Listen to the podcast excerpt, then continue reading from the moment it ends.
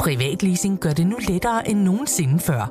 Når det kommer til elbiler, er Polestar 2 en sand stjerne på himlen. Med privatleasing af Polestar 2 får du ikke kun glæden af at køre en topmoderne elbil, men også fordelene ved lave driftsomkostninger lige fra dag 1.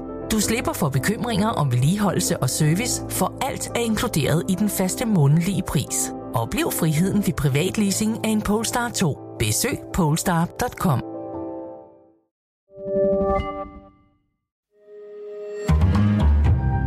Berlingske. Okay. The communication not clear.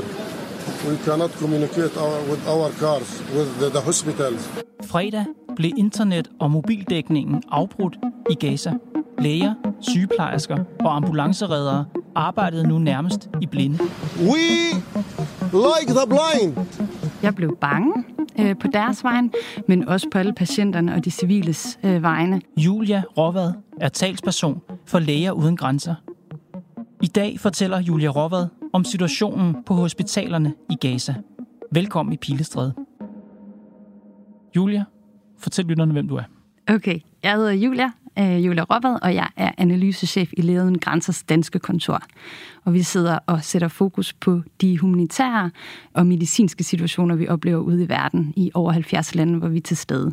Og når du i dag skal fortælle mig om, hvordan situationen er, eller hvad vi ved om situationen på hospitalerne i Gaza, hvad, altså, hvordan kan du fortælle mig det? Det kan jeg fortælle om, fordi det hører jeg fra mine lokale kollegaer i Gaza. Øhm, vi er i daglig kontakt med øh, vores team i Gaza, som består af 300 nationale ansatte og 22 øh, internationale. Right now in Gaza, the situation is catastrophic. The hospitals and clinics that have not been evacuated are overwhelmed. Og bare så vi har det helt klappet af fra starten af, har du selv været direkte kontakt med dem, eller hvordan foregår det? Det foregår via vores kontor øh, i øh, Jerusalem og internationale kollegaer. Så jeg har ikke selv været direkte kontakt, og jeg har heller ikke selv været i Gaza, øh, men øh, jeg har også danske kollegaer, sygeplejersker og læger, der har været i øh, Gaza, som jeg er i løbende kontakt med for at forstå situationen. Hvad laver Læger Uden Grænser normalt i Gaza? Læger Uden Grænser har været til stede i Gaza siden 1989 med forskellige projekter. Typisk så støtter vi en hel afdeling på et hospital øh, med avanceret kirurgi, og vi behandler alvorlige tilfælde af brændsår, amputationer, hvad hedder det, skudsår, såret, der kommer ind på hospitalerne. Så vi kører sådan en helt kirurgisk afdeling på forskellige hospitaler, øh, og skinoptræning øh, af såret. Og, og hvor i Gaza, kan du sige lidt om, hvor, øh, hvilke hospitaler I har været på normalt? Ja, altså et af de hospitaler, vi har været meget til stede på, er Al-Auda-hospitalet, som er et hospital med 200-300 senge i den nordlige del af Gaza, hvor vi også har været efter den 7. oktober. Og derudover har vi støttet op om andre hospitaler, typisk med specialiserede kompetencer, som de jo i høj grad mangler. Det er jo et sundhedssystem, som igennem rigtig mange år har været tyndsligt og manglet både ressourcer, menneskelige ressourcer, men også materialer til at køre helt normale sundhedsydelser. Som sagt blev internet- og mobildækningen afbrudt i Gaza i fredags. Har I fået kontakt til jeres ansat nu? Det har vi heldigvis, men jeg vil sige en meget sporadisk kontakt og ikke fuld kontakt. Og jeg har i dag også hørt om, at vi igen har mistet kontakten til nogle af kollegaerne i den sydlige del af Gaza. I har cirka 300 lokalansatte og så 22 internationale arbejdere øh, under, hvad skal man sige, levende grænser fladet øh, i Gaza. Hvad er deres situation nu? Altså, jeg, jeg er nødt til at spørge, lever de alle sammen? Har I overblik over det? Ja, heldigvis har, øh, har vi været i kontakt med dem alle sammen, og de har det, det er forkert at sige, de har det godt, fordi de er desperate og håbløse, øh, men fortsætter rigtig mange med at arbejde, fordi de ikke ser andet og gør, de føler, det er deres ansvar. Øh, vi hører også om, at mange af dem personligt har mistet familiemedlemmer, øh, de er har mistet deres hjem under bombardementerne. Vi har jo hørt fra Israels side, at man skal evakuere mod syd, så er man i sikkerhed. Hvad har I anbefalet dem? Øhm, vi, vi har måttet indstille øh, eller i hvert fald minimere vores egen tilstedeværelse på grund af sikkerhedsmæssige øh, årsager. Så vores sikkerhedsanalyse er, at det ikke er sikkert for os at operere i den nordlige del af Gaza. De har så på eget initiativ, mange af dem, vores lokale ansatte, valgt at tage tilbage og arbejde, og vi gør alt, hvad vi kan for at give dem information og støtte dem der, hvor de er. Så jeres ansatte er tilbage og redde menneskeliv på hospitalerne, men på eget ansvar? Ja, vores ansatte er tilbage på øh, flere af hospitalerne, både i den nordlige og den sydlige del øh, af landet, hvor de hjælper til. De gør det jo velvidende, at det er, altså uden at overdramatisere, det er jo bare sådan, at det er jo med livet som indsats, de tager tilbage. Det er det, men det de fortæller os, det er, at lige nu er der intet sted i Gaza, der er sikkert. Og det har de sådan set følt siden, at øh, krigen startede eller eskalerede fra den 7. oktober. They are bombing all the day, so I mean, there is no humanitarian corridor. Today I'm in contact with the, some hospitals, um, mainly Shifa. Then unit, there is only one surgeon, one anesthesiologist, no nurses at all in the hospital, in this burn unit especially. 7. oktober gennemfører Hamas et stort terrorangreb ind i Israel. Omkring 1400 mennesker bliver dræbt. Hvilke konsekvenser får det angreb for situationen på hospitalerne i Gaza? Jeg kan nævne det konkrete eksempel, vi oplevede på Al-Auda Hospitalet, hvor vi jo får en to timers varsling til at evakuere hospitalet. I had to evacuate Lauda Hospital yesterday when the Israeli army warned that it was going to target the hospital, and the hospital had two hours to evacuate. Et hospital med mange hundrede patienter, øh, hvor jeg havde kollegaer, der stod og opererede, mens evakueringsordren kom ind. Mange sårede, mange alvorligt øh, syge patienter. Og det er jo basalt set umuligt at evakuere et hospital på to timer. Hvornår kom evakueringsordren? Den kom den 12. oktober, øh, mener jeg det var, uden helt at præcis kunne huske tidspunktet, men det var i løbet af aftenen. Så de patienter, der er på hospitalet, er vel folk, der i forvejen er blevet ramt af bomber? Absolut, ja. Det er alvorligt syge, øh, og nogen, der ligger under operationskniven, øh, og, øh, og andre, der måske er blevet opereret og, og ikke kan gå og ikke kan bevæge sig. Og derudover i en sikkerhedssituation, hvor det jo heller ikke er sikkert at gå uden for hospitalet, mm-hmm. for der er bombardementer, som du selv lige nævner. Så det er på ingen måde sikkert at evakuere et hospital på den måde. Efter forhandlinger fik de så forhalet processen, så de fik lidt længere tid til at evakuere hospitalet. Hvordan gør man det rent praktisk? Jeg ved faktisk ikke, om der blev forhandlet, men, men vi fik bare at vide, at, øh, at vi havde længere tid til at evakuere øh, hospitalet. Øhm, og, hvad, og, og hvad gør man så? Jamen, vi forhandlede med andre hospitaler og prøvede at finde pladser til de alvorligt syge. Prøvede at finde ambulancer, som jo heller ikke er nemt. Finde veje, der ikke var bumpet i en situation, hvor vi har hele øh, blokke af Gaza, der er blevet sønderbumpet, hvor, hvor der fortsat er bombardementer, og ikke er sikkert at give sig ud, hvor der er meget lidt brændstof, svært at få brændstof til bilerne. Så hele den logistik kæmpestor opgave øh, at få folk evakueret til et sikkert sted. Og en, et kæmpe dilemma at sætte medicinsk personale i. Skal vi forlade vores patienter, som ligger her og dør, øh, eller skal vi, øh, skal vi blive, når vi får videre, at, øh, at det er farligt, og øh, at, det, at vi skal evakuere? Lykkedes det at få patienterne ud af hospitalet? Da vi, vi evakuerede Al-Auda Hospitalet, og det lykkedes, at de, de beretninger, vi fik, det lykkedes at finde andre steder at placere øh, patienterne på andre hospitaler, til dels i den sydlige del af Gaza, måske også på, på nogle af de andre øh, hospitaler i nord. Så det lykkedes at få patienterne ud og få personalet væk. We made sure that the patients were in ambulances and then we left.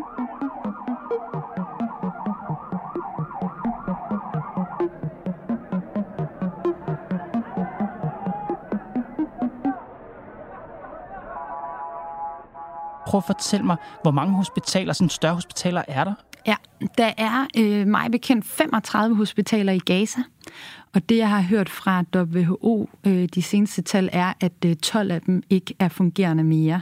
Så det vil sige, at cirka en tredjedel er ikke fungerende.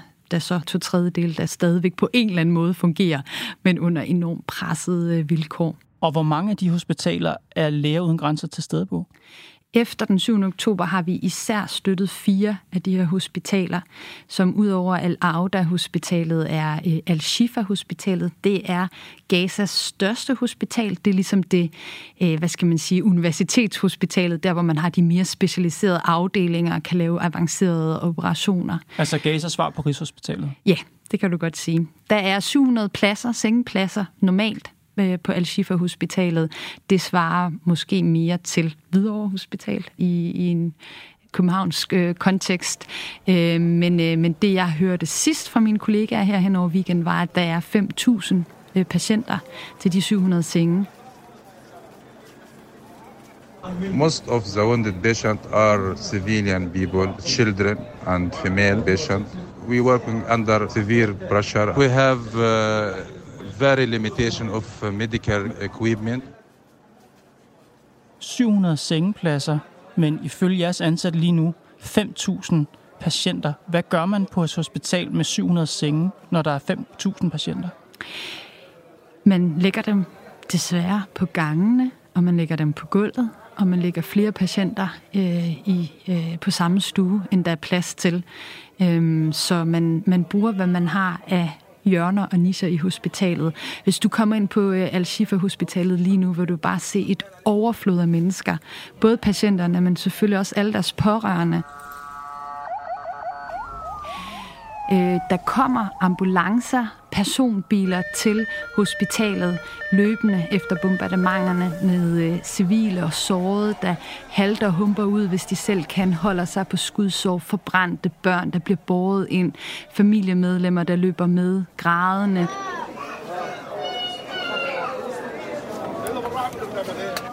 Øh, og så bliver de modtaget af det hospitalpersonale, der er der. Lige nu er det en tredjedel er det det, vi hører, at det normale personale, som er tilbage på hospitalet. Og så bliver de øh, fordelt derhen, øh, hvor der er ressourcer til at, øh, at tage sig af dem. A lot of medical staff who left the hospital with their families because they cannot, I mean, I mean, they are not safe, so they need to stay with their families to evacuate as well. Og det er ikke kun patienter og pårørende og, og hvad hedder det, lægefaglige personale på hospitalerne. Det er jo også blevet tilflugtssted for rigtig mange civile. For eksempel på Al-Shifa Hospitalet hører vi der over 40.000 civile. Vi kender ikke de præcise tal, men de søger tilflugt der, for de tror, er sikkert. 40.000 civile på et hospital, der måske i størrelse svarer cirka til Hvidovre Hospital. Ja. Så rundt om hospitalet og på hospitalsgangene, men også i, øh, på grunden, hospitalsgrunden udenfor, er folk samlet, altså tæt stod sammen, ligger på tæpper og opholder sig der, fordi de måske er, har haft øh, deres hjem bumpet, øh, eller fordi de håber på, at de kan få en lille smule mere sikkerhed. Noget af det, Israel har gjort i forsøget på at ramme Hamas, det er, at man har jo lavet en blokade over for Gaza, det vil sige, at man har blokeret for mad, vand og andre forsyninger. Hvordan, hvis vi bare bliver på Al-Shifa-hospitalet, hvad betyder den blokade for hospitalet? Den betyder basalt set, at det er umuligt at køre et hospital, og vi fordømmer den på det aller øh, stærkeste. Øh, det handler selvfølgelig om de medicinske forsyninger. Alt fra bedøvelse til antibiotika, til medicin for kroniske sygdomme, øh, til, øh, øh til hvad hedder det, værnemidler, handsker osv. Øh, men det handler også om vand. Hvordan skal man køre et hospital og sikre renlighed uden rent vand? Lige nu er vi ved at løbe tør. Vi er meget bekymret for situationen omkring vand. Og så, så er det er, selvfølgelig så der er også, stadig vand på hospitalerne? Der er, sted, der er stadig vand. Øh, det vi hører er, at, øh, at man bruger i stigende grad vand, som vi godt ved ikke er helt rent, øh, som enten er øh, saltet, eller som kommer fra containere, der ikke er, er rent, eller fra vandhanerne. Er nogle af kollegerne, der siger, at vi bliver nødt til at bruge vand fra vandhanerne, selvom vi ved, at det ikke er blevet renset. Very difficult. I mean, today we uh, were for two hours searching for drinkable water. Even drinkable water is, is not available anymore og det ved vi jo som lægefaglig organisation desværre alt for godt om, hvad det betyder. Øh, både i forhold til at kunne holde, øh, altså i forhold til infektioner, men også på længere sigt i forhold til diarré, kolera er også øh, øh, desværre noget, vi har set i regionen tidligere, øh, og, og, øh, og, og andre øh, infektioner, der kan sprede sig. Ja.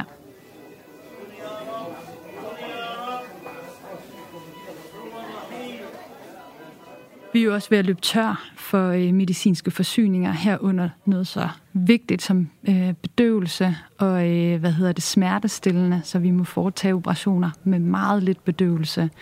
Øh, og jeg har fået nogle hjerteskærende beretninger fra mine kollegaer, der, der har måttet operere under de her vilkår. Fortæl mig om dem.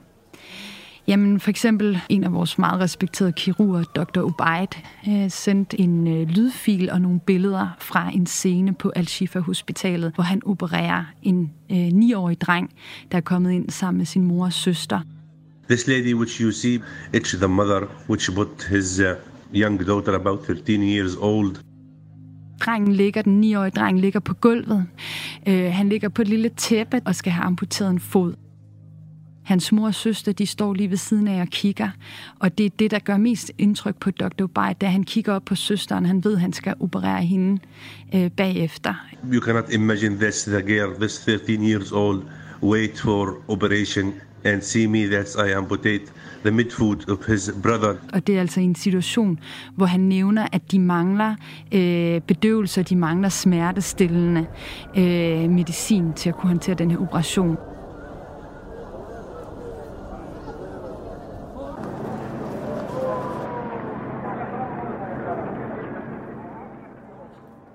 En, en dreng, der skal have amputeret sin fod på et tæppe på et gulv. Ja. Det lyder ret uhygiejnisk. Det er voldsomt på alle mulige måder. Øh, og det er også øh, en ekstra bekymring, vi har, øh, som vi også har hørt mere hen over weekenden her, øh, efter intensiveringen af bombardementerne, det er, at nu er der så mange sårede, at, der, at ventetiden på at blive opereret selvom at vi prøver i gange og med ekstra folk på stuerne, er blevet meget lang, som kan give ekstra komplikationer. Så både inden de når ind at blive opereret, øh, men også efter operationerne, er der jo en kæmpe fase, sådan postoperation, hvor man skal holde sårene rene, man skal sørge for, at der ikke kommer infektioner, man skal tilse sine patienter. Og de der øh, medicinske processer, både før og efter, dem er der ikke ressourcer til lige nu. Øh, så vi er meget bekymrede for infektioner og, øh, og bakterier, der bliver resistente, øh, resistente bakterier. Selvfølgelig er det med elektricitet og strøm også afgørende for et hospital. Øh, især øh, altså så, så brændstof, blokaden med brændstof. Nu kører hospitalerne i høj grad på generatorer, så derfor er det afhængigt af brændstof. Øhm, og, og man kan jo ikke køre en, en øh, kirurgisk afdeling, en operation. Vi har dialysepatienter, der skal ind og have dialyse. Øh, vi har inkubatorer med små spædbørn, nyfødte børn, der har brug for at være i inkubatorer. Det kan vi jo ikke købe uden strøm. Hvor meget brændstof har Al-Shifa-hospitalet tilbage? Jeg ved ikke, hvor meget de har, men det vores læger fortæller er, at de øh, rationerer det. Så de har stadigvæk brændstof tilbage. Vi har hørt nu over nogle uger, vi er ved at løbe tør, vi er ved at løbe tør. Desperat øh, opråb øh, for det. Og bare for at gøre det konkret, Julie, hvis et hospital af den størrelse, Al-Shifa-hospitalet, løber tør for brændstof, hvad sker der så? Så slukker man for inkubatorerne, øh, hvor spædbørnene ligger. Så kan man ikke køre avancerede operationer, der kræver udstyr. Øh, og, øh, og ja, så kan man ikke basalt set køre et hospital. Så går det simpelthen ned? Ja.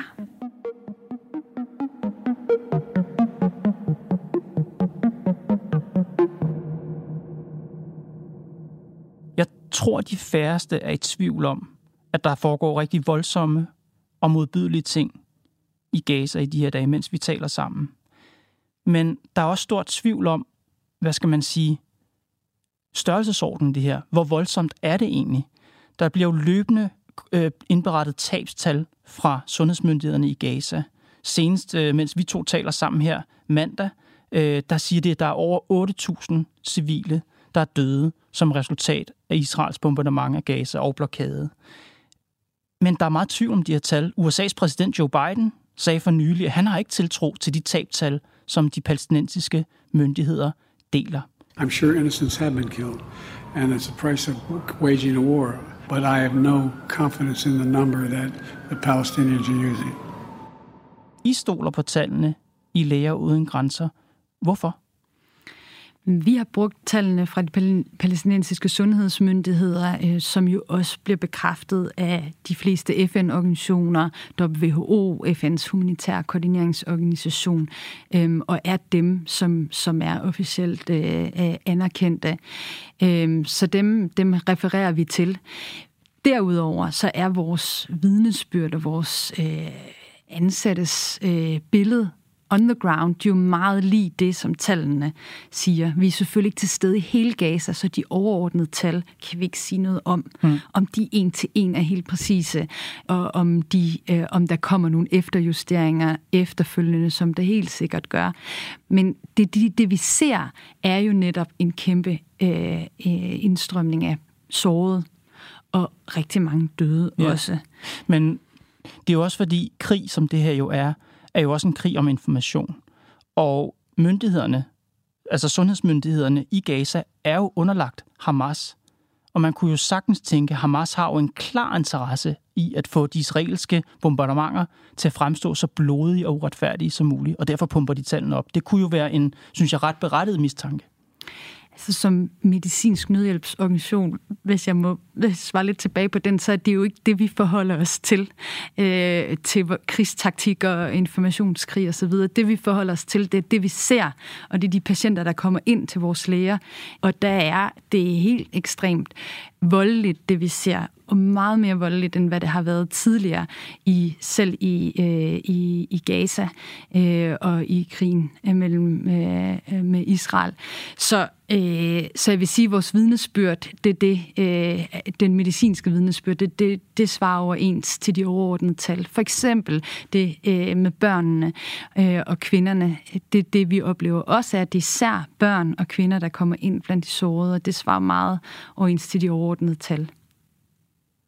Jeg tænker over noget, du fortalte i starten, nemlig det her med, at Al-Auda-hospitalet, ligesom de andre hospitaler, fik ordre om at evakuere. Israel sagde, I er nødt til at forlade bygningerne. Hvorfor vil de israelske militær have til at forlade hospitalerne? De, øh, de, de får os til at evakuere, fordi de forventer, at der vil være bombardementer øh, af det, vi kan forstå. Øh, men der har ikke været bombardementer blandt andet på Al-Auda-hospitalet endnu. Det er, det er for sikkerheden, for de civile sikkerhed. Det vi opponerer imod er, at for det første er det umuligt at evakuere på så kort sigt. For det andet, så har det ikke været sikkert at evakuere, mm. fordi der ikke har været nogen sikker veje væk. Men noget af grundlaget for evakuering, og noget af spillet omkring de her hospitaler i Gaza, er jo øh, mistanken, og ifølge det israelske forsvar, beviserne på, de påstår, de har, at Hamas opererer på og under hospitalerne. For nylig har det israelske militær IDF lagt en video op, sådan en, en, en animation af Al-Shifa-hospitalet, det hospital, du lige har fortalt os om, altså med de 700 sengepladser, cirka svarende til Hvidovre Hospital. Mm. Og på animationen, der ser man ligesom, man, man, man zoomer ind på bygningen, og lige pludselig er vi neden under bygningen, og der kan man se, hvordan Hamas har gravet gange og har hovedkvarter inde under Al-Shifa Hospitalet. Har I i Læger Uden Grænskab kendskab til, at Hamas bruger hospitaler som skjulested? Det har vi ikke kendskab til, det har jeg ikke kendskab til, det har jeg ikke hørt om, men jeg vil også sige, det vil jeg ikke vide øh, her, øh, hvor vi står lige nu og her, øh, fordi at normalt i en krigszone og en krig, og også i Gaza, der ville vi jo stå meget fast på vores medicinske humanitære principper om at sikre at være til stede kun steder, hvor der er sikkert for levet uden grænser for vores personale, og hvor der ingen våben er, våbenfri zoner. Det er jo et humanitært princip. Medicinske faciliteter er beskyttet. Men der har i den her øh, fase af krigen været så lidt respekt for de regler, så øh, den information, vi har, er, er meget svær at forholde sig til, så vi ved ikke, hvad situationen er on the ground. Men hvis Israel har ret, hvis der er våben til stede på og under hospitalerne, er I så forpligtet til at trække jer ud til ikke at arbejde på hospitalerne? Altså lige nu har vi jo trukket vores aktiviteter væk fra den nordlige del af Gaza, fordi det ikke er sikkert at være. Det ved jeg, men ja. du siger jo også, at jeres medarbejdere er jo taget tilbage igen. med deres gode hjerter og ønsker om at hjælpe humanitært. Mm. Men det, du siger, er faktisk, at hvis I som organisation, hvis man får, hvis man får viden om, at hospitalet rent faktisk bruges som skjulested, mm. som gemmested for våben, så er det et argument for ikke at være der, ikke at operere derfra. I normale tider øh, vil det være sådan, at, øh, at vi har vores sikkerhedsinformationer, øh, og vi vil ikke være til stede, hvor der er sikkerhedsfare mm-hmm. for vores ansatte. Hvis de ikke kan arbejde, så kan vi jo heller ikke hjælpe øh, patienter og civile. Så under normale omstændigheder ville jeg ikke kunne forestille mig, at vi kunne være steder, hvor der var et sådan sikkerhedsansvar. Øh, det jeg siger, det er, lige nu har vi ingen information om, hvad situationen er øh, on the ground. Men jeg ville ikke kunne forestille mig, at vi kunne operere øh, øh, være til stede et sted, hvor der er sådan en trussel. Øh, og så forsvinder det jo ikke, at der er rigtig mange civile øh, og øh, sårede og uskyldige uden for kamphandlingerne, som er til stede på hospitalet, for dem kan vi jo se. Dem ved vi, at de er der, øh, og at man har ansvar for at sikre, at de bliver bragt i sikkerhed. Ja, så det du egentlig siger er, at uanset om Hamas bruger hospitalerne som skjulesteder eller ej, så er I moralsk, humanitært forpligtet til at redde liv på hospitalerne?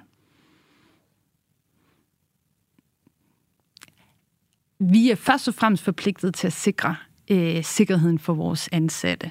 Så vi vil, vi vil ikke være til stede, hvis der er, er en stor men det siger sikkerhedssituation. Du selv, men du siger jo selv, det er normalsituationen. Det her er en ekstraordinær situation. Det her det er uden for skala. Jeres ansatte forlod først hospitalet, mm. men de lokalansatte er vendt tilbage igen. De kan jo ikke gøre andet. De bliver nødt til at tage tilbage og hjælpe deres landsmænd på hospitalerne. Ja. Og men spørgsmålet er bare, hvilken brik i spillet det er, hvis de her hospitaler er, er de steder, hvor Hamas primært gemmer sig, eller gemmer rigtig vigtige ting for Hamas. Mm. Hvad, hvad tænker du om det? Men jeg tænker, at vi, ud, vi bliver nødt til at i tale sætte øh, sikkerheden, og vi bliver nødt til at udtale øh, vores dybe bekymring for de patienter og det personale og de civile, der befinder sig på hospitalerne, som ikke er sikre, øh, og, og sikre dem. Altså at råbe op øh, om, øh, om deres sikkerhed. Det allervigtigste er at sikre øh, patienterne øh, og dem, der står uden for kamphandlingerne. Det er jo derfor, vi har internationale konventioner og krigens regler, som jeg rigtig gerne vil bringe i spil også i den her samtale med dig, Kåre, mm-hmm. fordi det er så vigtigt, at vi overholder krigens regler. Den fortæller jo lige præcis, de fortæller jo lige præcis, hvad må man bombe, og hvad må man ikke bombe. Ja. Hvornår er noget et militært mål, og hvornår er noget ikke et militært, militært mål. Og hvis man må bombe det, så under hvilke omstændigheder? Hvordan sikrer man effektivt at varsle civile og heriblandt medicinsk nødhjælpsarbejder, så de kan komme i sikkerhed. Mm-hmm. Det er der helt klare regler for. Jeg er jo ikke en, øh, vi er ikke en juridisk organisation, så vi kan vurdere, hvornår er noget et brud mod krigens regler. Men det vi siger, det er bare, at der er normer, og det er vigtigt, at de bliver overholdt, for at vi kan operere og hjælpe er, mennesker, der lider. Er det jeres indtryk, at de regler, at krigens love bliver overholdt lige nu i Gaza? Nej, men det er det, der gør den her katastrofe så forfærdelig. Graden af vold, kombineret med, at, at reglerne ikke bliver overholdt. Øh, det er op til en domstol, international domstol, efterfølgende at vurdere, hvad der, ikke, hvad der er blevet overholdt, og hvad der ikke er blevet overholdt. Det har jeg ikke kompetence til. Jeg ved godt, det her det er ikke et retslokale. Ja. Men på baggrund af de vidnesbyrd, vi får fra jeres medarbejdere lige nu, hvad er jeres vurdering lige nu? At det, der foregår i Gaza, er det i store træk noget, der overholder krigens lov? Nej, det overholder ikke krigens regler. Absolut ikke. Altså, der bliver bumpet medicinske faciliteter og nødhjælpsfaciliteter. Øh, det er imod krigens regler, civile. Øh, og hele blokaden, den manglende humanitær adgang, at man holder en hel befolkning øh, under belejring, uden de har adgang til mad, vand, forsyninger. Og vi, vi står udenfor og vil gerne ind. Mm-hmm. Vi har medicinske supplies i Ægypten, vi er klar til at komme ind, men vi kan ikke få adgang. Der er adskillige øh, meget komplekse øh, brud øh, på krigens regler, og det skal blive afgjort sidenhen, men det, det vores vidnesbyrd lige nu viser, det er, at det bliver ikke respekteret. Det er det, vi appellerer til, at det skal, så vi kan operere, så vi kan få adgang til dem, der er uskyldige i den her krig. Julia Råvad, analysechef ved Lave Grænser. Tak fordi du var i Pilstred. Selv tak, fordi du vil invitere mig.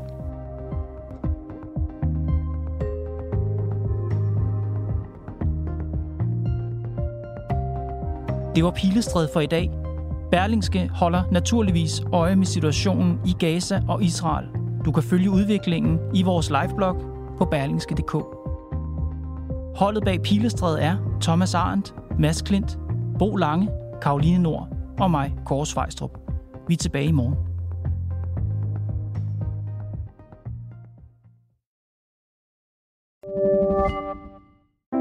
Privatleasing gør det nu lettere end nogensinde før. Når det kommer til elbiler, er Polestar 2 en sand stjerne på himlen. Med privatleasing af Polestar 2 får du ikke kun glæden af at køre en topmoderne elbil, men også fordelene ved lave driftsomkostninger lige fra dag 1. Du slipper for bekymringer om vedligeholdelse og service, for alt er inkluderet i den faste månedlige pris. Oplev friheden ved privatleasing af en Polestar 2. Besøg polestar.com.